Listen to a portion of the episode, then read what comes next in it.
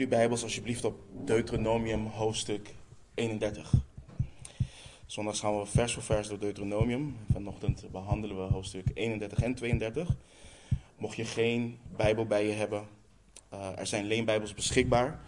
Dus steek je hand op als je er één wilt. En als je helemaal geen Bijbel hebt, mag je die houden als gift van ons en gift van de Heer. We hebben best wat versen, dus laten we bidden en vervolgens um, vers voor vers door de tekst uh, heen gaan.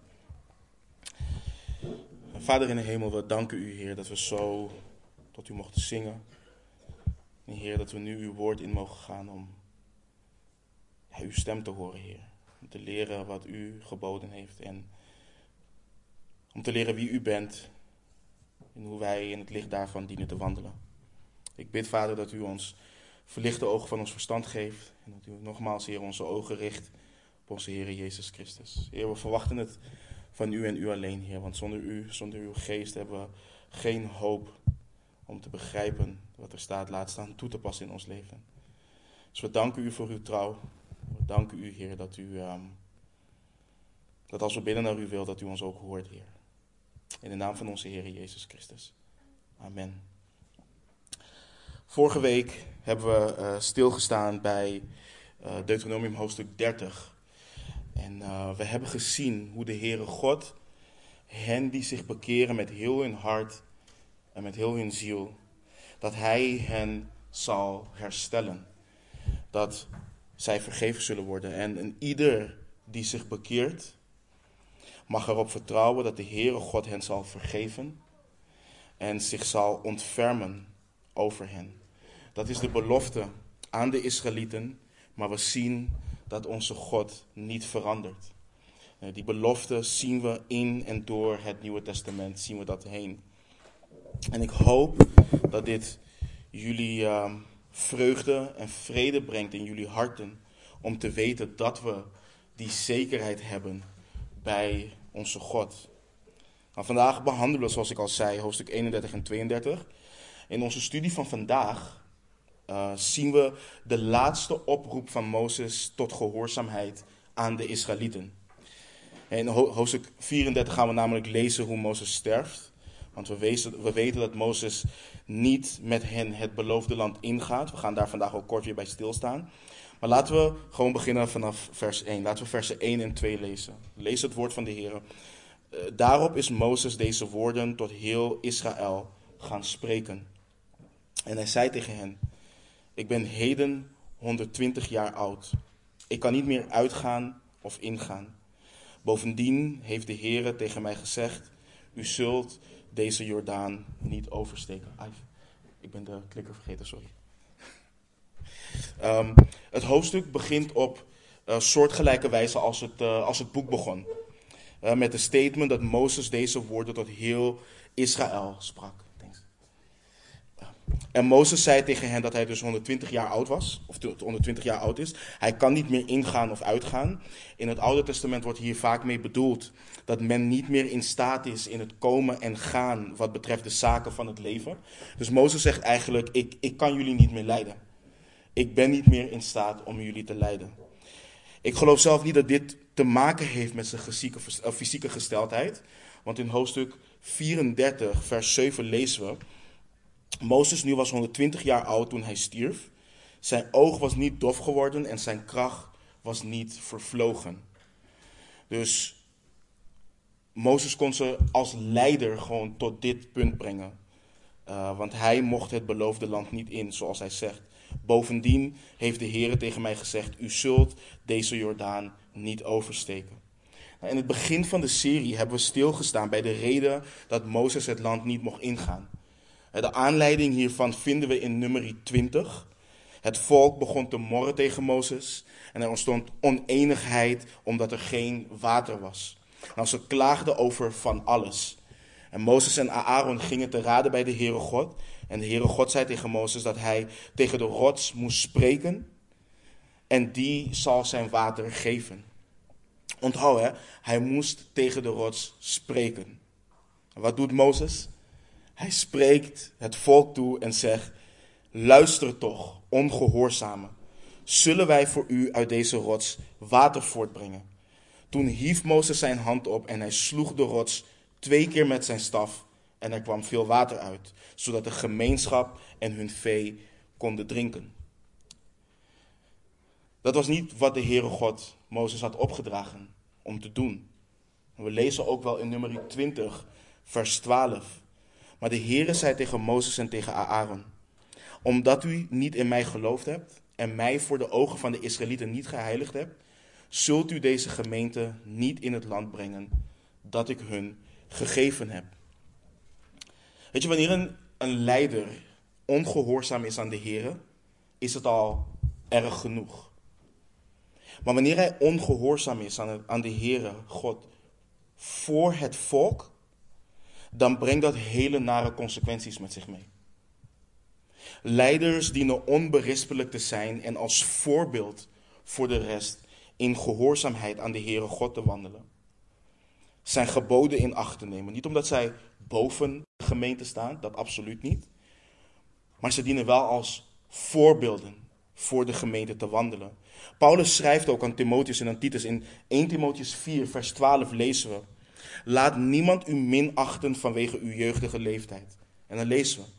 Maar wees een voorbeeld voor de gelovigen in woord, in wandel, in liefde, in geest, in geloof en in reinheid. Dus wees een voorbeeld voor de gelovigen in woord, in wandel, in liefde, in geest, in geloof en in reinheid. In je complete levenswandel. Je hebt wel eens leiders die kunnen het woord van God goed uiteenzetten, maar als je naar hun leven kijkt, dan matcht dat niet met wat je ziet in de schrift. En, en, en Paulus tackelt dat hier. Het moet op in ieder gebied, in woord, in wandel, in liefde, in geest, in geloof en in reinheid. Maar hij schrijft iets soortgelijk aan Titus in Titus 2, versen 7 en 8. Betoon u zelf in alles een voorbeeld van goede werken. Betoon in het onderwijs zuiverheid, waardigheid, oprechtheid. En spreek een gezond woord boven alle kritiek verheven, zodat de tegenstander beschaamd zal staan en niets kwaad, kwaads van u te zeggen heeft. De apostel Petrus schreef ook aan de ouderlingen in 1 Petrus 5, versen 2 en 3. Hoed de kudde van God die bij u is en houd daar toezicht op. Niet gedwongen, maar vrijwillig. Niet uit winstbejag, maar bereidwillig. Ook niet als mensen die heerschappij voeren over het erfdeel van de Heer, maar als mensen die voorbeelden voor de kudde geworden zijn. Dus leiders dienen onberispelijk te wandelen. En we hebben hier ook al eerder bij stilgestaan. En voor veel mensen lijkt dit een hele harde straf van de Heere God voor Mozes. Hij is altijd, is hij, heeft hij voorbeden gedaan voor het volk. Hij is altijd geduldig geweest met het volk. En nu verliest hij zijn geduld. En de Heere God zegt, hij mag het land niet in. Maar wat we dienen te beseffen, is als leiders in een gemeente ongehoorzaam zijn, en de rest van de gemeente niet sterk staat, dat de hele kudde meewandelt zoals de, zoals de leiders ook meewandelen. En Mozes is het getuigenis dat er bij de Heere geen aanzien des persoon is. En dat de Heere God niet met zich laat spotten. En dat zijn naam geheiligd dient te worden voor zijn volk. Mozes zou de Jordaan niet oversteken. Maar hij deelt gelijk wie wel. Vanaf vers 3 lezen we tot vers 8. De Heere uw God, hij zal voor u uittrekken. Hij zal deze volken van voor uw ogen wegvagen. En u zult hen uit hun bezit verdrijven. Joshua zal voor u uittrekken, voor u overtrekken, sorry, zoals de Heere gesproken heeft. En de Heere zal met hen doen zoals hij met Sihon en Och, koningen van de Amorieten, en met hun land gedaan heeft, die hij weggevaagd heeft. Wanneer de Heere hen aan u gegeven heeft, moet u met hen doen overeenkomstig alle geboden die ik u gegeven heb. Wees sterk en moedig, wees niet bevreesd en schrik niet voor hen terug, want het is de Heere uw God die met u meegaat. Hij zal u niet loslaten en u niet verlaten. En Mozes riep Joshua en zei tegen hem voor de ogen van heel Israël: Wees sterk en moedig, want u zult met dit volk het land binnengaan dat de Heere hun vaderen gezworen heeft hun te geven. En u zult het hun in erfbezit laten nemen. De Heere nu is het die voor u uitgaat. Hij zal met u zijn. Hij zal u niet loslaten en u niet verlaten. Wees niet bevreesd en wees niet ontsteld. Als eerste moesten de Israëlieten blijven herinneren dat het de Heere hun God was die voor hen uit zou overtrekken.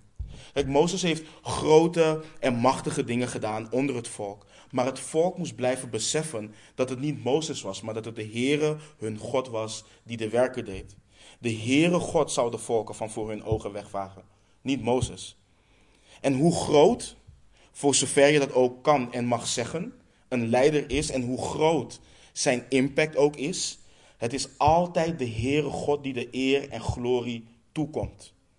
Wij nietige mensen zijn allemaal instrumenten in de handen van een groot en machtig God.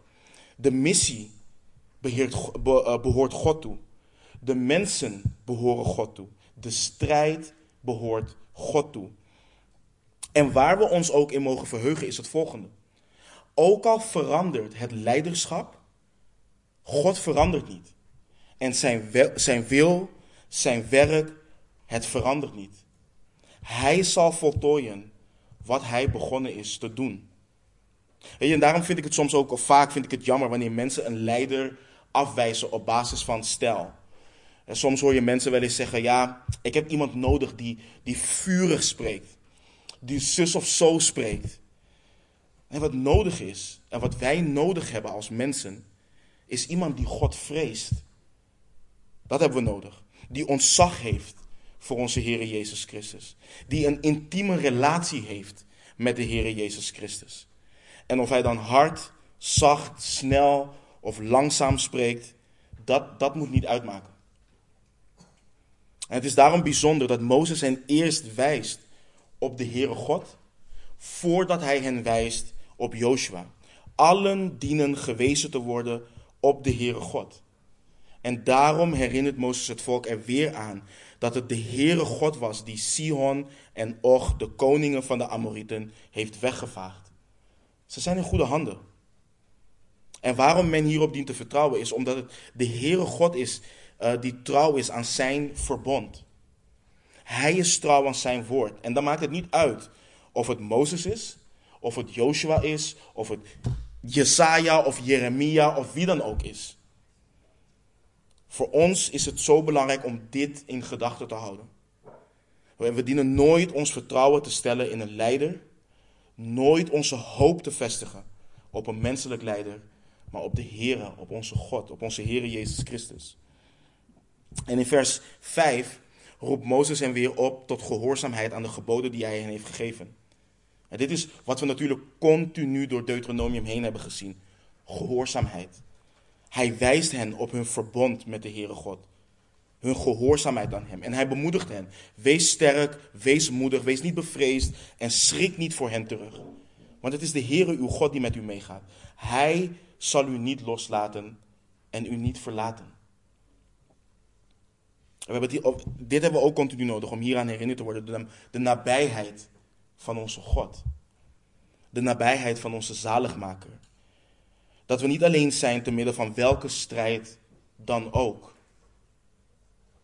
Soms hebben we het idee dat God er alleen is wanneer het goed met ons gaat. Wanneer we geen verdrukking, wanneer we geen ellende meemaken. Maar Hij is altijd met ons. We hebben het nodig dat, hij dat we niet alleen weten dat Hij met ons is, maar dat Hij ook voor ons uitgaat. Dat Hij niet alleen met ons is, maar Hij ons vast heeft in Zijn handen en ons niet loslaat. We zijn veilig in Zijn handen. Ik denk aan de woorden van de Heer Jezus Christus in Johannes 10, vers 28 en 29. Waar hij spreekt over zijn schapen en zegt: Ik geef hun eeuwig leven en zij zullen beslist niet verloren gaan in eeuwigheid. En niemand, niemand zal ze uit mijn hand drukken. En mijn vader die hen aan mij gegeven heeft, is meer dan allen. En niemand kan hen uit de hand van mijn vader rukken. Dus waar je ook doorheen gaat, hij zal met je zijn. Hij zal je niet loslaten en hij zal je niet verlaten. Wees niet bevreesd en wees niet ontsteld. In Hebreeën 13, vers 5 worden we hier ook aan herinnerd. We lezen daar: Laat uw handelswijze zonder geldzucht zijn. En wees tevreden met wat u hebt. Want hij heeft zelf gezegd: Ik zal u beslist niet loslaten. En ik zal u beslist niet verlaten. En daarom zeggen wij met goede moed: De Heere is voor mij een helper en ik zal niet vrezen. Wat zal een mens mij doen? Wat zal een mens mij doen? In Psalm 118, vers 6. De Heere is bij mij. Ik ben niet bevreesd. Wat kan een mens mij doen? En een belangrijke vraag is: geloven we dit? Zijn we ons bewust van Gods constante nabijheid? En wandelen we dan ook met moed, met vrede, met vreugde, waar we ook doorheen gaan? Wetend dat onze God soeverein is. Wetend dat Hij alles in de hand heeft. Ook onze verdrukking. Eh, Mozes roept Joshua vervolgens op uh, roept, uh, roept Joshua vervolgens om tot hem te spreken en om hem te bemoedigen. Om hem als leider op de Heere zijn God te wijzen. En hij, hij bevestigt Joshua. Wees sterk en moedig, want u zult met dit volk het land binnengaan dat de Heere hun vaderen gezworen heeft hun te geven. En u zult het hun in erfbezit laten nemen. Het doet mij denk ik een, een leider daarin ook. Hij dient altijd geweest te worden op de Heer Jezus Christus. Dit doet mij denken aan toen wij hier zouden beginnen. Ik weet niet hoe het voor Delano was, want bij Delano zie je het niet snel, maar ik was, ik was redelijk in paniek toen we hier gingen beginnen. Want dit is, geen, dit is geen makkelijke bediening. En het is niet iets wat je zomaar doet. Maar onze broeders en zusters daar in Haarlemmermeer, in Eindhoven, die bemoedigen ons continu. Wees sterk, wees moedig. De Heer is met je. Hij zal dit doen. Hij gaat voor je uit. Hij draagt je. En je moet continu op Hem gewezen worden daarin. Welke bediening je ook hebt. Dit geldt niet alleen voor het ambt van een opziener. Dit geldt voor ieder ambt. Dit geldt ook als je geen bediening hebt. Wetend, God is altijd met je. En in onze tekst hier zien we ook een prachtig typebeeld. En men zegt vaak ook, hè, Mozes is een typebeeld van de wet. En de wet kan mensen het land niet inbrengen en Joshua een typebeeld van onze Heer Jezus Christus. En hij die ons, als het ware, hij die ons de ware rust inleidt. Hij die ons het beloofde land inbrengt. Hij die ons brengt tot het eeuwige leven. Het doet ons herinneren dat de wet niemand zal rechtvaardigen en brengen in de volheid van onze God. Maar onze Heer Jezus Christus, in wie wij genade vinden, in wie wij onze genade hebben gevonden. Geloof en vertrouwen in Hem, in het werk wat Hij heeft gedaan, dat is wat een persoon nieuw leven geeft. En een persoon eeuwige rust zal geven. Zijn naam, of haar naam, staat daardoor in het boek des levens geschreven. En die persoon zal het koninkrijk van God beërven. Wat een vreugde hoort dat ons te brengen. En Mozes gaat verder. We lezen vanaf vers 9 tot en met 13. En Mozes schreef deze wet op en gaf ze aan de priesters, de zonen van Levi, die de ark van het verbond van de Heeren droegen, en aan alle oudsten van Israël. En Mozes gebood hun, na verloop van zeven jaar op de vastgestelde tijd van het jaar van de kwijtschelding op het loofhuttenfeest, als heel Israël komt om te verschijnen voor het aangezicht van de Heere, uw God, op de plaats die hij zal uitkiezen, moet u deze wet ten aanhoren van heel Israël voorlezen. Roep het volk bijeen, de mannen, de vrouwen en de kleine kinderen en de vreemdelingen die binnen uw poorten is, om te horen en om te leren uw God te vrezen en alle woorden van deze wet nauwlettend te houden. Zodat hun kinderen die het niet weten het ook horen en leren de Heere uw God te vrezen. Al de dagen dat u leeft in het land waarvoor u de Jordaan oversteekt om het in bezit te nemen. Vers 9 is zo prachtig. Mozes zijn nalatenschap aan het volk en aan de leiders. Geen strategieën, geen eigen ideeën, maar puur en puur alleen het woord van God. de wet. Dat is wat hij hen nalaat. Mozes is niet bezig met zijn naam. Hij is met niets anders bezig dan ervoor zorgen dat het volk van God, de Heere God, zal gehoorzamen. Zal wandelen overeenkomstig zijn geboden. Dat is een goede leider. Dat is een goede leider. En de vraag is wat ons verlangen is voor de mensen om ons heen. Weet je, iedere dag die we krijgen, krijgen we van de Heere God. En we weten niet wanneer we ons laatste adem zullen uitblazen. De vraag is, wat laat jij na? Wat laat je je kinderen na? Je neefjes, je nichtjes, je kleinkinderen, je broeders, je zusters? Willen we ervoor zorgen dat onze kinderen financieel gezien stabiel zijn? Dat ze de beste opleidingen hebben gehad? Dat, ze, dat we ze een huis nalaten?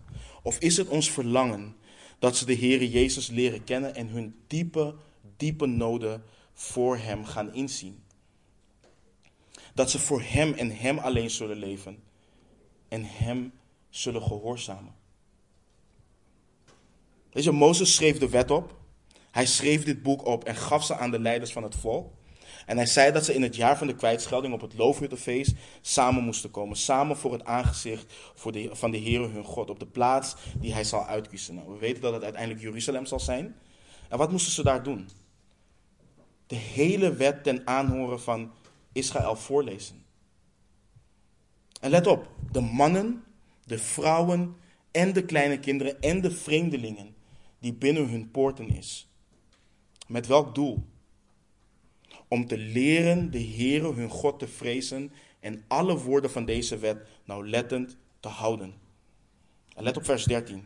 Zodat hun kinderen, die het niet weten, het ook horen en leren de Heere uw God te vrezen. Al de dagen dat u leeft in het land waarvoor u de Jordaan oversteekt om het in bezit te nemen. Je ziet hier onder andere het belang van het samenkomen. Ja, het is mogelijk om thuis het woord van God te lezen. Het is mogelijk. Maar je ziet hier dat het volk samen moet komen. Samen als geheel om het woord van de Heere God te horen. Om herinnerd te worden aan wat de Heere God heeft gedaan. Zodat ze dus hun geschiedenis herinneren. Ze leren wie God is. En dat resulteert in het vrezen het ontzag hebben voor de Heere God. Ze leren dat de Heere God een verbond is aangegaan met hun als volk. Ze leren wat hij heeft beloofd. En dat hij zijn belofte is nagekomen en hoe. Ze leren wat hij heeft gedaan, hoe hij heeft overwonnen en hoe zij mogen genieten als zijn volk van de zegeningen die voortvloeien uit die overwinningen. Ze leren wat hij gebiedt en ze leren dat het van essentieel belang is dat ze hem gehoorzamen en leren ook wat de consequenties zijn van ongehoorzaamheid. Ze leren wat voor zegen het is om te gehoorzamen. En weet je wat zo bijzonder hierin is? Ze moesten dit iedere zeven jaar doen. Maar dit neemt niet de verantwoordelijkheid weg die we zagen in Deuteronomium 6. Dat het woord van God hun huizen moest reguleren. Dat wanneer ze over de weg gingen, wanneer ze gingen neerliggen, wanneer ze opstonden, ze dit woord moesten leren aan hun gezin.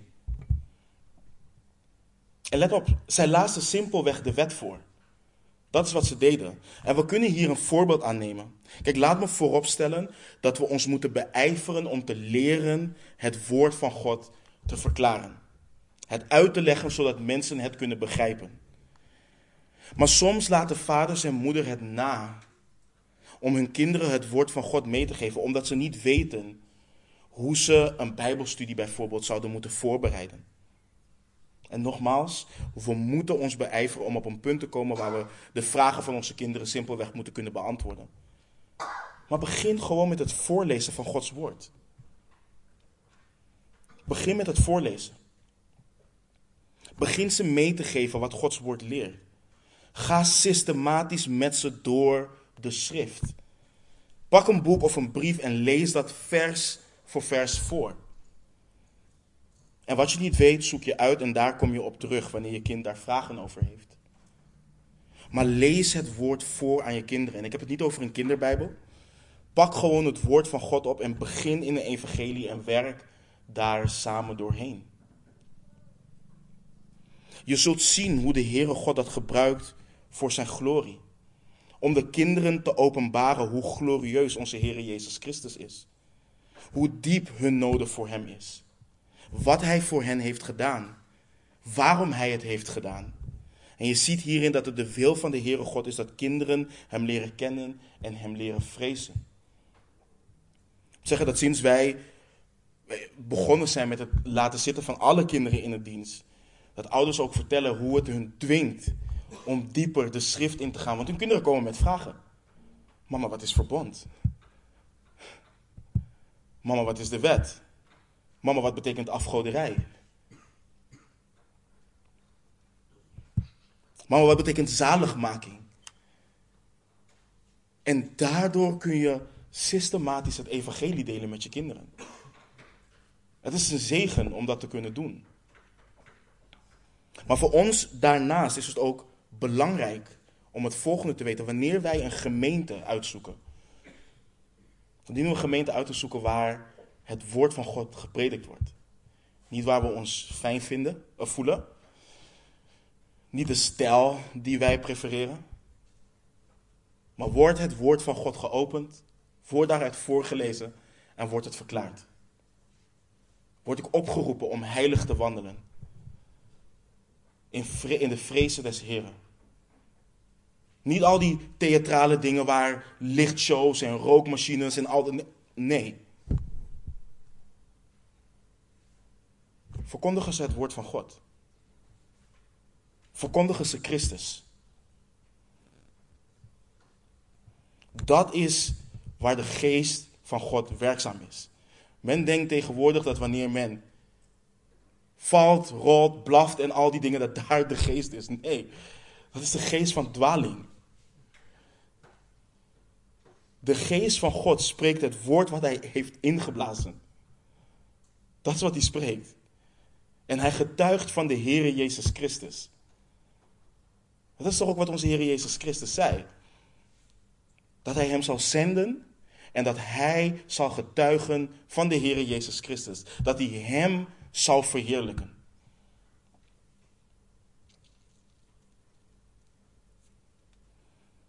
Dus is dus wat Mozes hen opdraagt. Dat is ook wat Paulus, de opzieners, in Handelingen 20 opdraagt wanneer hij gaat naar Jeruzalem. Hij draagt hen op aan het woord van God, aan het woord van de genade. Maar wat triest hierin is, het volk gaat dit niet doen. Ze zullen ongehoorzaam zijn hieraan. En hoe weten we dat? Want we lezen in vers 13, zodat hun kinderen die het niet weten het ook horen en leren de Heere uw God te vrezen. Maar als je nu naar Richteren 2 gaat, dan lezen we vanaf vers 8 tot met 11 het volgende. Maar toen Joshua, de zoon van Nun, de dienaar van de Heere, gestorven was, 110 jaar oud, en zij hem begraven hadden in het gebied dat zijn erfelijk bezit was, in Timnat Heres, op een berg van Ephraim, ten noorden van de berg Gaas, en ook heel die generatie met zijn vaderen verenigd was, stond er na hen een andere generatie op, die de Heere niet kenden en evenmin de daden die hij voor Israël verricht had. Toen deden de Israëlieten wat slecht was in de ogen van de Heere en zij dienden de Baals.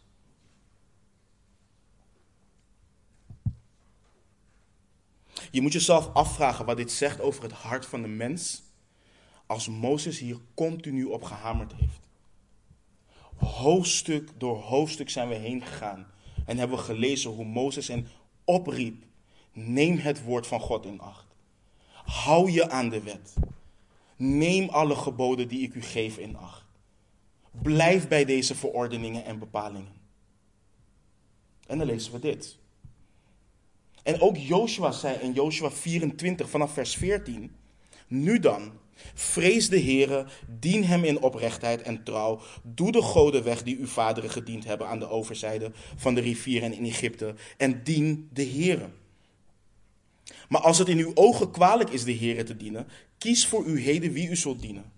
Of de goden die uw vaderen, die aan de overzijde van de rivier woonden, gediend hebben, of de goden van de Amorieten, van wie u het land bewoont.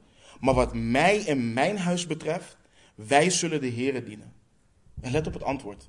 Toen antwoordde het volk en zei: Er is geen sprake van dat wij de Heere zouden verlaten om andere goden te dienen.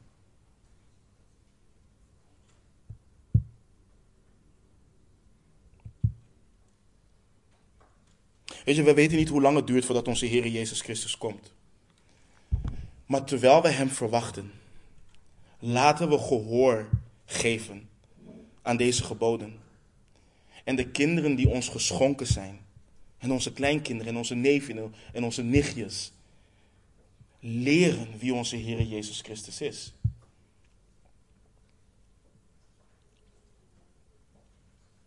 Laten we hen opvoeden in de vrezen des Heren. Want wat we moeten beseffen is, wat Paulus ook aan de Romeinen schrijft, niemand zoekt God. Dus als wij het hen niet leren, wie zal het ze leren? Wie zal het hen verkondigen? Een kind gaat niet vanzelf op zoek naar God. En, en de Heere God is bezig met het trekken van mensen naar zijn kinderen, naar zijn zoon, absoluut. Maar wij dienen trouw te zijn aan het verkondigen van het woord aan onze kinderen. Vanaf vers 14 zien we iets wat verrassend uit de hoek komt. Want de Heere God heeft, hen, heeft Mozes opgedragen uh, dit volk de woorden te leren en te spreken tot hen. Maar vanaf vers 14 gaan we lezen hoe de Heere God Mozes kenbaar maakt dat het volk afvallig zal worden.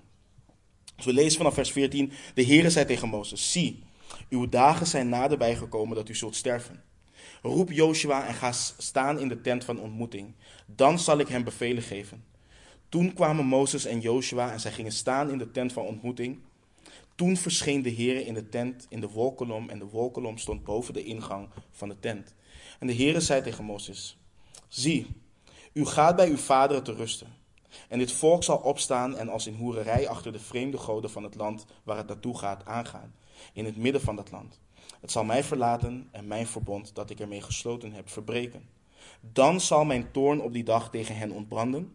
Ik zal hen verlaten en mijn aangezicht voor hen verbergen, zodat zij opgegeten zullen worden. En veel verschrikkelijke dingen en noden zullen het volk treffen, zodat het op die dag zal zeggen: Hebben deze verschrikkelijke dingen mij niet getroffen, omdat mijn God niet in ons midden is?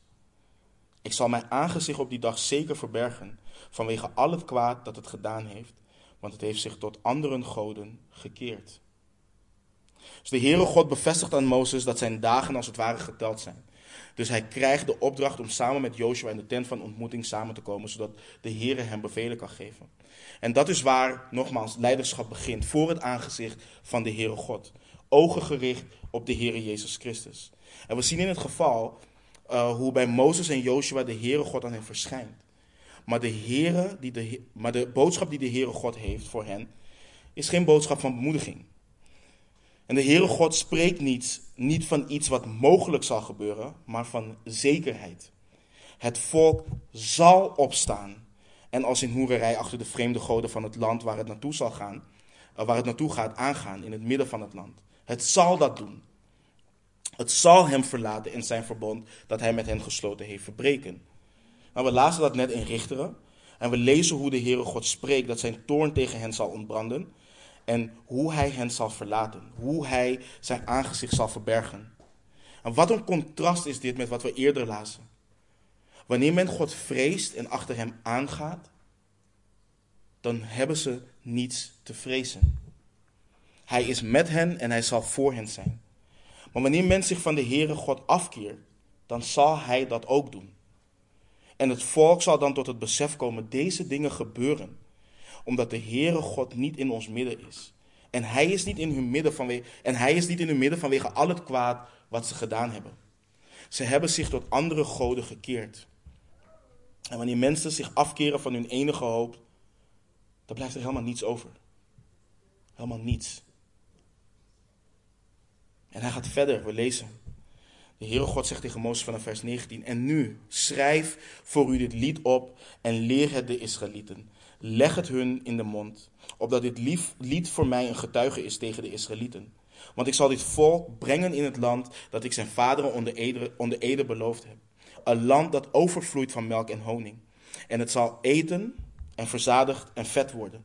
Dan, dan zal het zich tot andere goden wenden en hen dienen. En zij zullen mij verwerpen en mijn verbond verbreken. En het zal gebeuren, wanneer veel verschrikkelijke dingen en noden het volk getroffen hebben, dat dit lied dan voor zijn aangezicht als getuige zal worden. Want het zal niet vergeten worden of uit de mond van zijn nageslag verdwijnen. Want ik ken zijn overleggingen die het heden maakt, voordat ik het breng in het land dat ik hun onder ede beloofd heb. Mozes schreef op die dag dit lied en hij leerde het de Israëlieten. Dus Mozes krijgt de opdracht om een, een lied, wat we in hoofdstuk 32 tegenkomen, um, op te schrijven en om het te leren.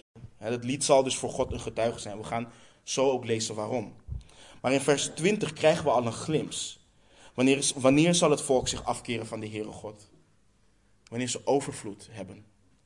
Ze zullen zich verheugen in wat er gegeven is, maar hem vergeten die het hen gegeven heeft. En dit betekent niet, want dit soort dingen, mensen nemen dit soort versen dan en zeggen, weet je, als ik zo min mogelijk heb, dan kan ik dicht bij de Heer leven. Nee, dit, is, dit is gewoon hartsgesteldheid. Want de Heer, we hebben dat ook door Deuteronomium continu gezien, de Heer is een God die overvloedig wilt en zal zegenen. Maar wat het hoort te doen met ons, is onze ogen te richten op Hem die het geeft. En niet op de dingen die we ontvangen. Weet je, je zult je verbazen wat voor rol dit kleine land, dus Nederland, heeft gespeeld in Europa in de geschiedenis van de kerk. Er was ooit een periode waar een deel van dit land God echt vreesde. Er was een periode. En, en, en Christus echt Heer was. Maar Nederland werd verzadigd en werd vet. En het heeft zich tot andere goden gekeerd. En je ziet dat in hoe dit land leeft. Je ziet dat hoe dit land strijdt voor het hele LBGT-community. Je ziet hoe ze strijden voor abortus. Je ziet hoe ze strijden voor alles wat tegen de Heere God ingaat. En dit land stond ooit op tegen alle dwaalleer wat van over de oceaan hier naartoe kwam om daartegen te strijden. Maar het land is vet geworden. En het land is verzadigd geworden. En de enige hoop wat dit land heeft, is als er leiders opstaan en zich terugkeren naar de Heer Jezus Christus. En terugkeren naar het prediken van dit woord. Dat is de enige hoop van dit land. En zo is het ook met Israël. De Heere God heeft een lied voor hen. En zo zie je hoe belangrijk ook hè, liederen zijn. Daarom selecteren wij hè, de liederen die we zingen. Dan kijken we naar wat, zing, wat, wat zeggen ze in dit lied, doctrinaal gezien. Wat leren deze liederen ons? We zingen geen liederen die ons een goed gevoel geven. We zingen liederen die ons wijzen op wie de Heere God is. En het zijn ook niet altijd liederen die, laten we even zeggen, vrolijk zijn. Lees de psalmen. Boetepsalmen. Ze beginnen niet altijd vrolijk, ze eindigen wel met de verheerlijking van onze Heere God. Maar het herinnert ons aan wie God is. Het herinnert ons aan wat Hij heeft gedaan. Het herinnert ons ook aan wat Hij zal doen. We zongen net, Hij zal terugkomen om te regeren in Zijn kracht en in Zijn macht. Dat hoort ons te doen denken en onze ogen te doen richten op onze Heer Jezus Christus. Om te verlangen en uitzien naar Zijn komst.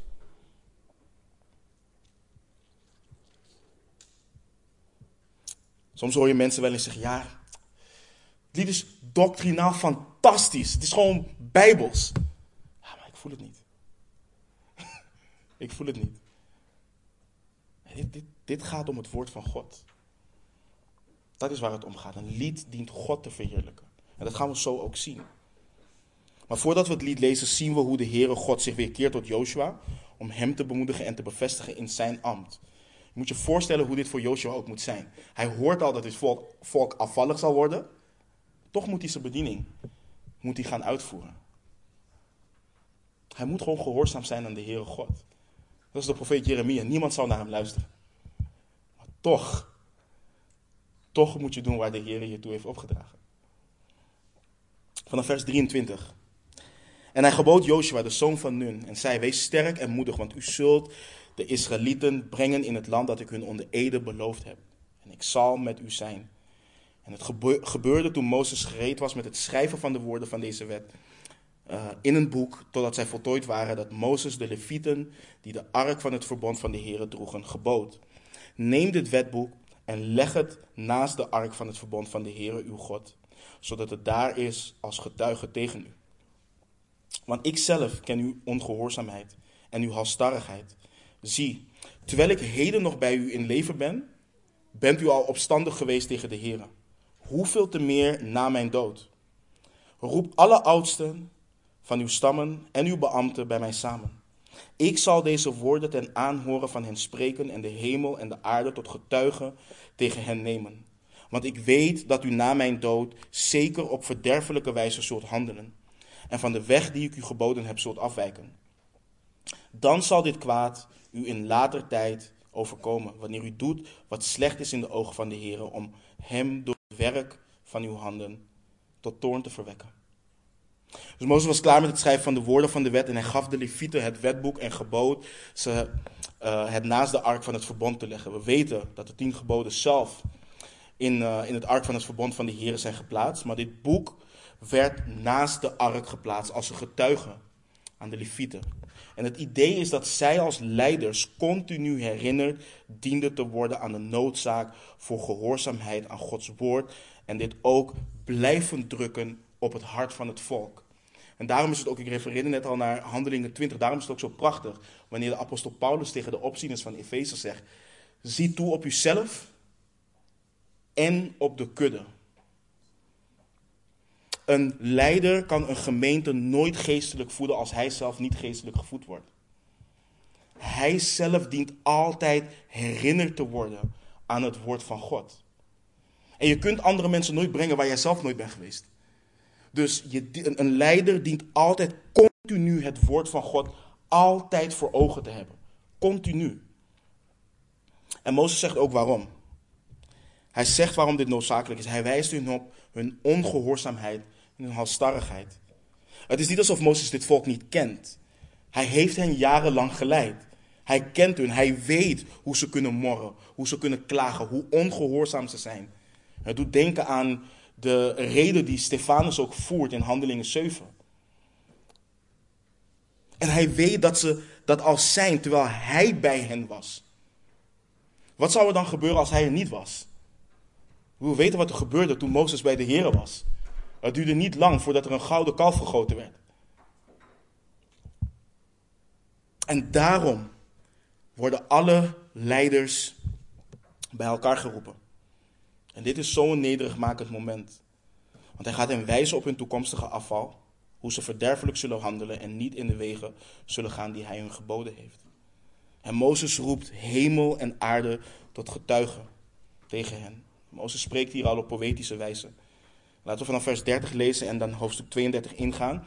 Het lied spreekt voor zich, dus hier en daar zal ik wat commentaar geven, net zoals op de tekst waar we ons in uh, Deuteronomium 28 uh, bevonden.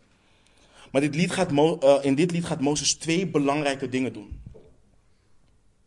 Wat ieder lied moet doen. Leren wie God is. En in dat licht leren wie het volk is daarin. En dat doet hij door te wijzen of stil te staan bij de geschiedenis van Israël. Dus hoe Israël is ontstaan. Hoe heeft God hen aangenomen tot zijn volk.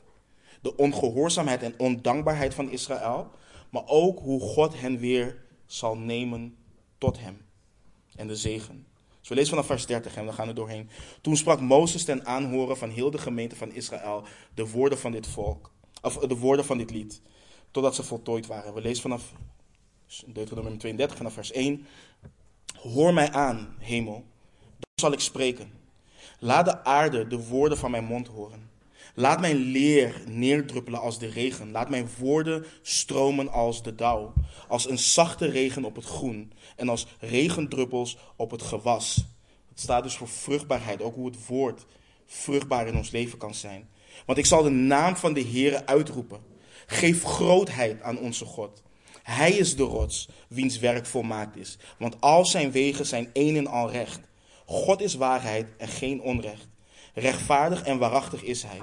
Zij hebben verderfelijk tegen hem gehandeld. Het zijn zijn kinderen niet, een schandvlek. Het is een slinkse en verdorven generatie. Doet u dit de Heere aan, dwaas en onwijs volk? Is hij niet uw vader? Die u verworven heeft, die u gemaakt heeft en u stand heeft doen houden. Dus Mozes roept weer hemel en aarde eh, als getuige. En Mozes legt onmiddellijk de nadruk op wie God is. Er is een verschil met veel van de liederen die we tegenwoordig kennen. Veel van die liederen gaan over ons. Over hoe wij ons moeten voelen. Maar dit gaat over God. Het begint met het geven wat de Heere God toekomt. Grootheid. En het erkennen dat Hij de rots is, wiens werk volmaakt is. Dat al zijn wegen een en al recht zijn. Het is belangrijk om hiermee te beginnen. Want wanneer de Heere God oordeelt, wanneer Hij straft, is het belangrijk om te beseffen dat zijn wegen een en al recht zijn. En dat alles wat Hij doet naar waarheid is. Want Hij is waarheid. Er is geen onrecht in Hem. Hij is rechtvaardig en Hij is waarachtig, maar Israël niet. En niemand kan God beschuldigen van verderfelijk handelen. Maar Israël heeft dat wel gedaan. En daarom zegt het lied: Het zijn zijn kinderen niet, ze zijn een schandvlek. En dit zijn sterke woorden, een schandvlek. En vanaf vers 6 lezen we eigenlijk hoe dwaas het is om te rebelleren, om in opstand te komen tegen de Heere God en van zijn wegen af te wijken.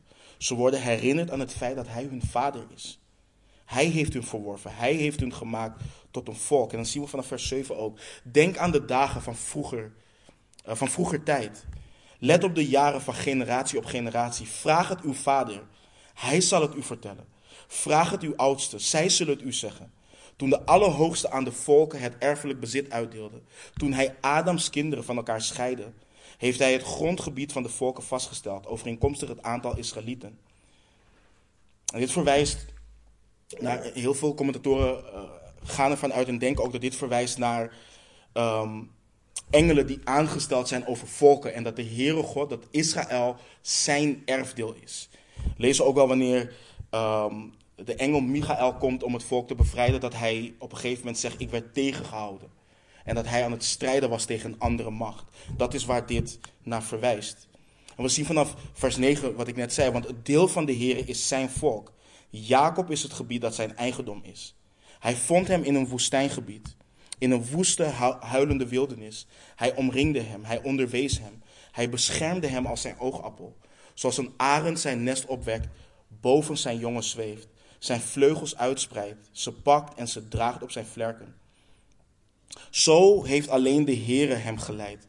Er was geen vreemde God bij hem. Hij liet hem rijden op de hoogten van de aarde en hij at de opbrengsten van het veld. Hij liet hem honing zuigen uit de rots en olie uit hard gesteente, boter van runderen en melk van kleinvee, samen met het vet van lammeren, van rammen die in Bassaan eh, weiden, en van bokken samen met het allerbeste van de tarwe. En druivenbloed, goede wijn hebt u gedronken.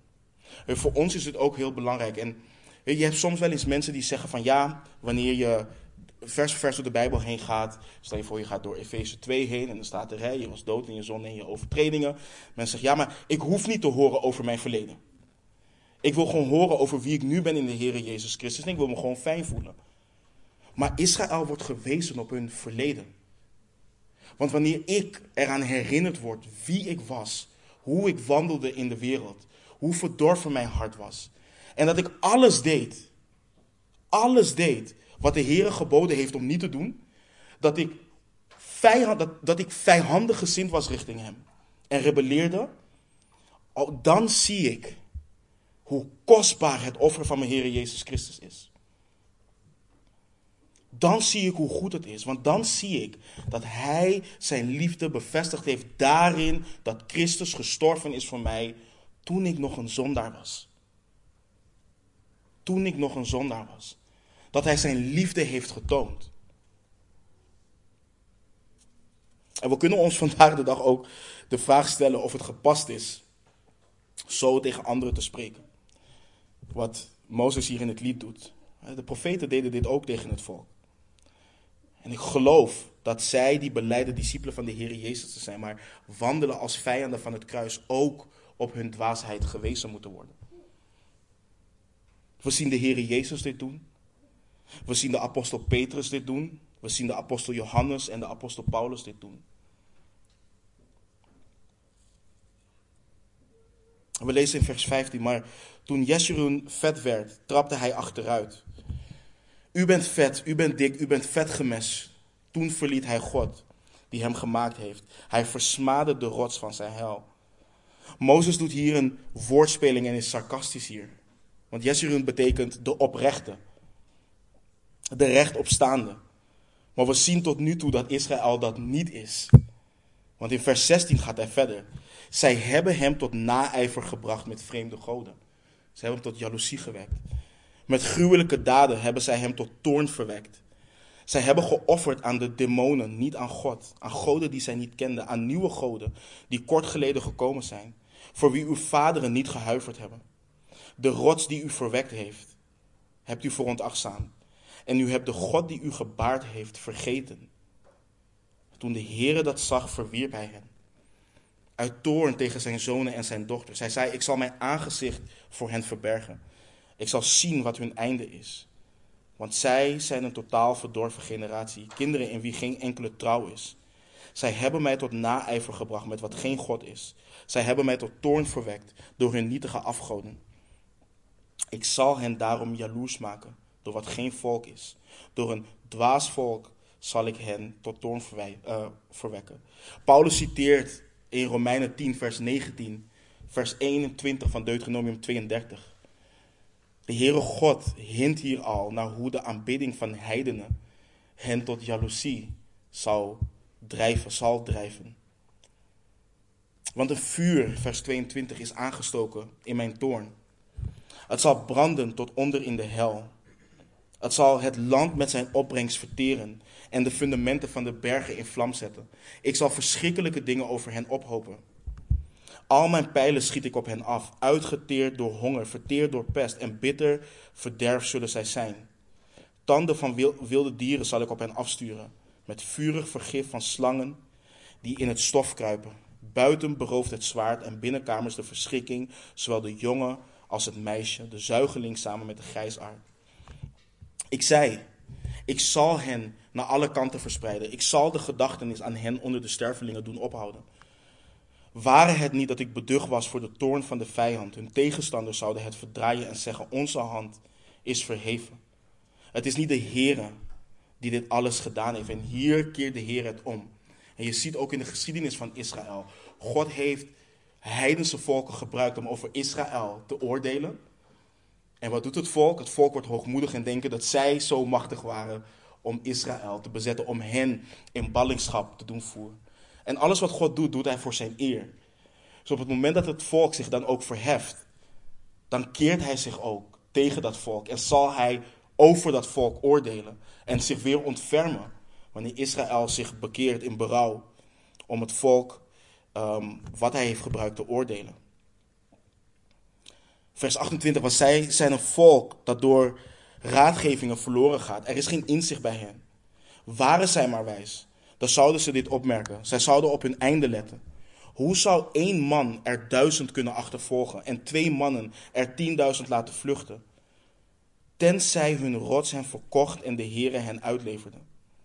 Want hun rots is niet zoals onze rots.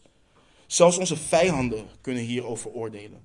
Want hun wijnstok is, de wijnstok, is uit de wijnstok van Sodom en uit de velden van Gomorra. Hun druiven zijn giftige druiven. Bittere trossen hebben zij. Hun wijn is, een, is slangenvergif. En een vereiniging gif, een venijnig gif sorry, van, ader, van adders. Is dat niet bij mij opgeborgen, verzegeld in mijn schatkamers? Aan mij komt de wraak en de vergelding toe op het tijdstip dat hun voet wankelt. Voorzeker, de dag van hun ondergang is dichtbij. En spoedig komen de dingen die hen te wachten staan. Want de Heere zal zijn volk recht verschaffen. Hij zal berouw hebben over zijn dienaren. Want hij zal zien dat hun kracht is vergaan en dat het met de gebondenen en de vrije gedaan is. Dan zal hij zeggen, waar zijn nu hun goden? De rots tot wie zij de toevlucht namen.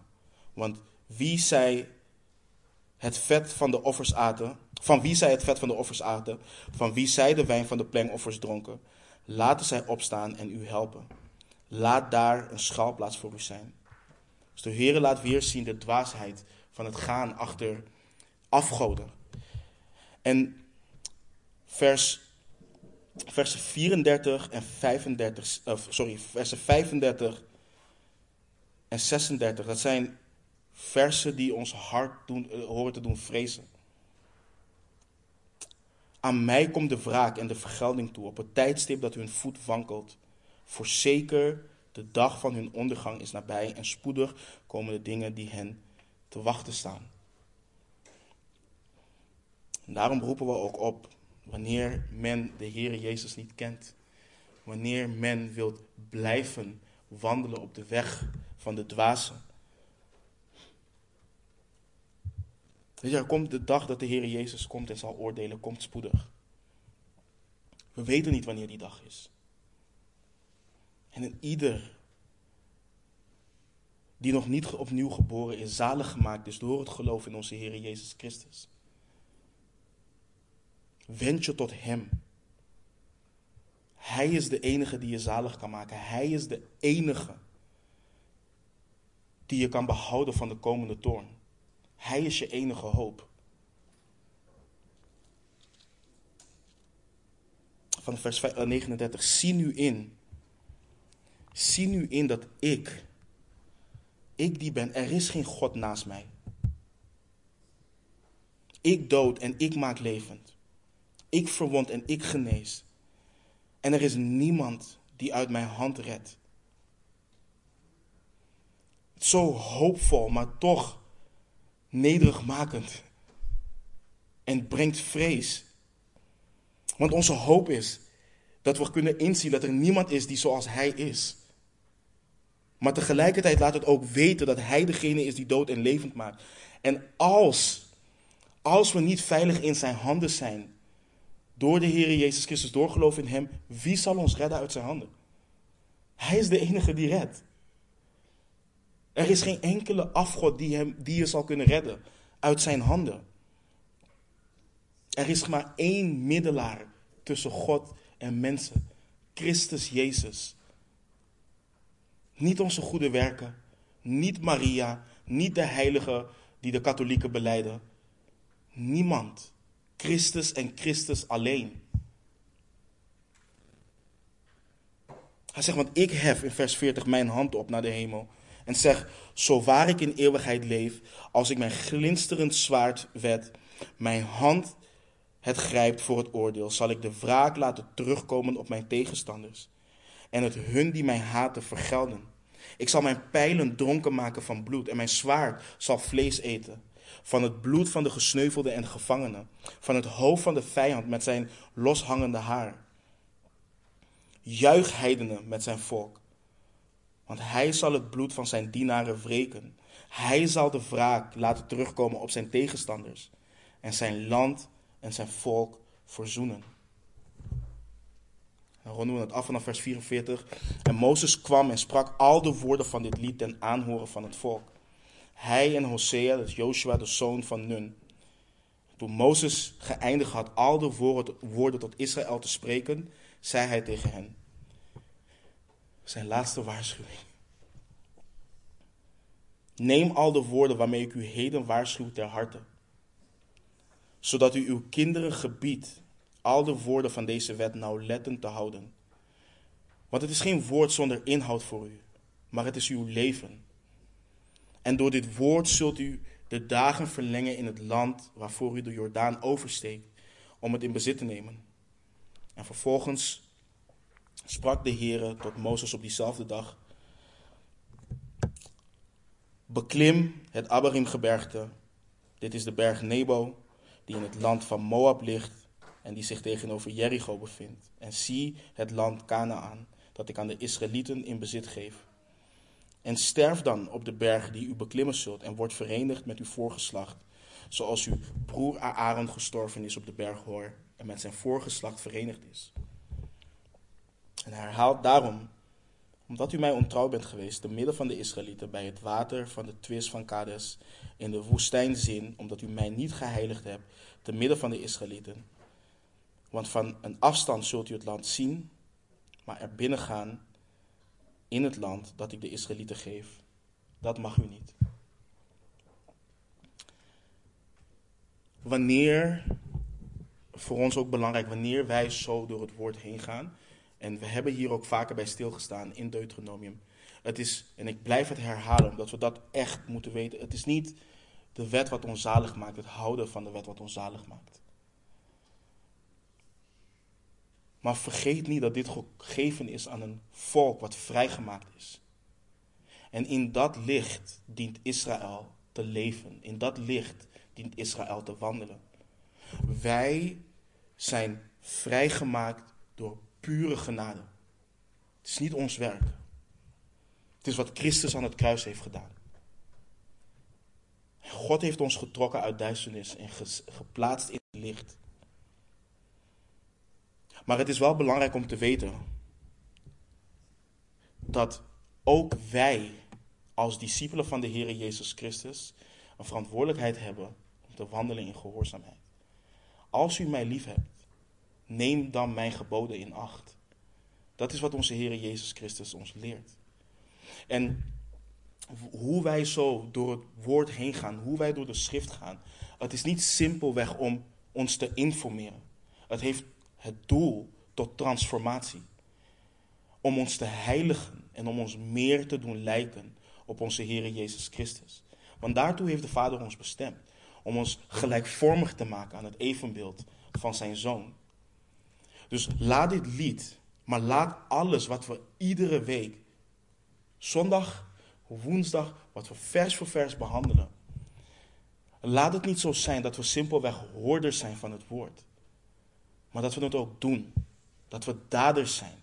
Dat we wandelen overeenkomstig wat Hij geboden heeft. Niet om onze zaligheid te verkrijgen, maar omdat we zalig zijn gemaakt uit genade. En omdat wij beleiden dat wij Hem lief hebben.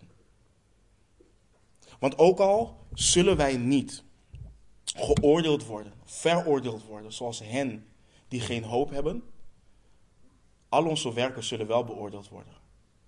En we komen ook te staan voor de troon van onze Heer Jezus Christus. Vrijgemaakt met zijn gerechtigheid. 100%, daar hoeven we niet aan te twijfelen. Maar we zijn niet vrijgemaakt om te wandelen zoals we willen. We zijn vrijgemaakt om ook onder anderen te wandelen om Hem te verheerlijken. Dus laat dit een getuige voor ons zijn. En laten we deze woorden, zoals Mozes ook zegt, in acht nemen. Tot eer en glorie van onze Heer Jezus Christus. Amen. Laten we bidden. Vader, we danken u, Heer. Heer, we danken u zo. We hebben nog twee hoofdstukken te gaan, wat we volgende week zullen afronden. Maar we danken u zo voor deze prachtige, prachtige reis door dit boek heen. En het is zo mooi om te zien, Vader, hoe u getuigt van uw zoon in ieder boek. Hoe rijk dit boek is en hoe vol het is van onze Heer Jezus Christus. Hoe het getuigt van Hem. En Vader, ik bid, Heer,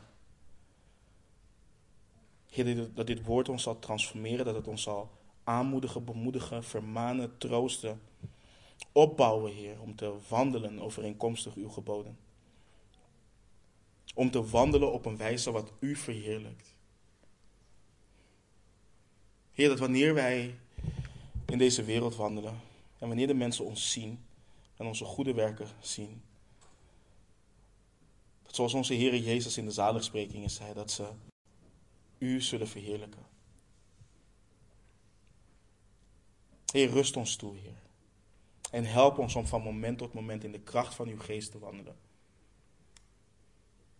Heer, want ons vlees is zwak. Maar de geest die u ons gegeven heeft, de geest die onze Heer Jezus Christus uit de doden opgewekt heeft, dat is de geest die in ons woont. Dat is de geest die in ons leeft. En wat zijn we dankbaar, Heer. Dat we nu ook ons vlees niets verplicht zijn, maar dat we echt kunnen wandelen in de volheid van wat u voor ons wilt. Dus Heer, ik breng mijn broeders en mijn zusters en mezelf breng ik voor u. Ik bid dat u ons bekrachtigt. En dat was overwinnaars in onze Heer Jezus Christus. door dit leven gaan. En dat u ter herinnering brengt, Heer, in iedere situatie waar wij ons ook bevinden. Dat u bij ons bent, dat u ons vasthoudt, dat u ons niet loslaat en ons niet verlaat.